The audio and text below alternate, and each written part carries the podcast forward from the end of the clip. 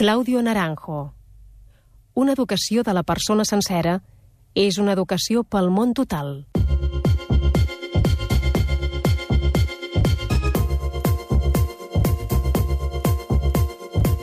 Soc Rafael Vizquerra, director del postgrau en Educació Emocional i Benestar de la Universitat de Barcelona. Repensar l'educació hauria de ser una constant, sobretot a dins dels centres educatius. Quines són les competències bàsiques que un jove hauria d'haver adquirit en abandonar el sistema educatiu?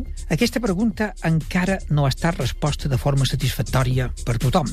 Cada expert fa la seva proposta sense que hi hagi unanimitat. Alguns se centren en els continguts de les àrees acadèmiques ordinàries, altres van més enllà i contemplen els aspectes de desenvolupament integral com a persones, en les últimes dècades s'han produït noves mirades a l'educació que han posat l'èmfasi sobre alguns aspectes en particular.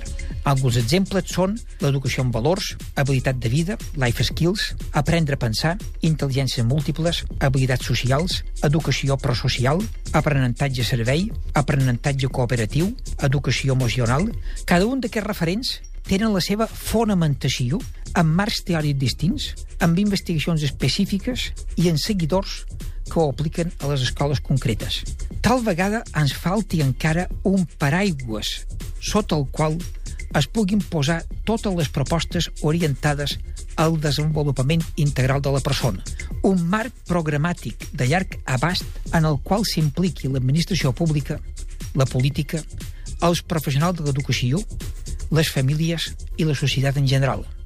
Les noves mirades a l'educació haurien de tenir present la finalitat de l'educació, que és, en el modes de veure, el desenvolupament integral de la persona per fer possible la convivència i el benestar.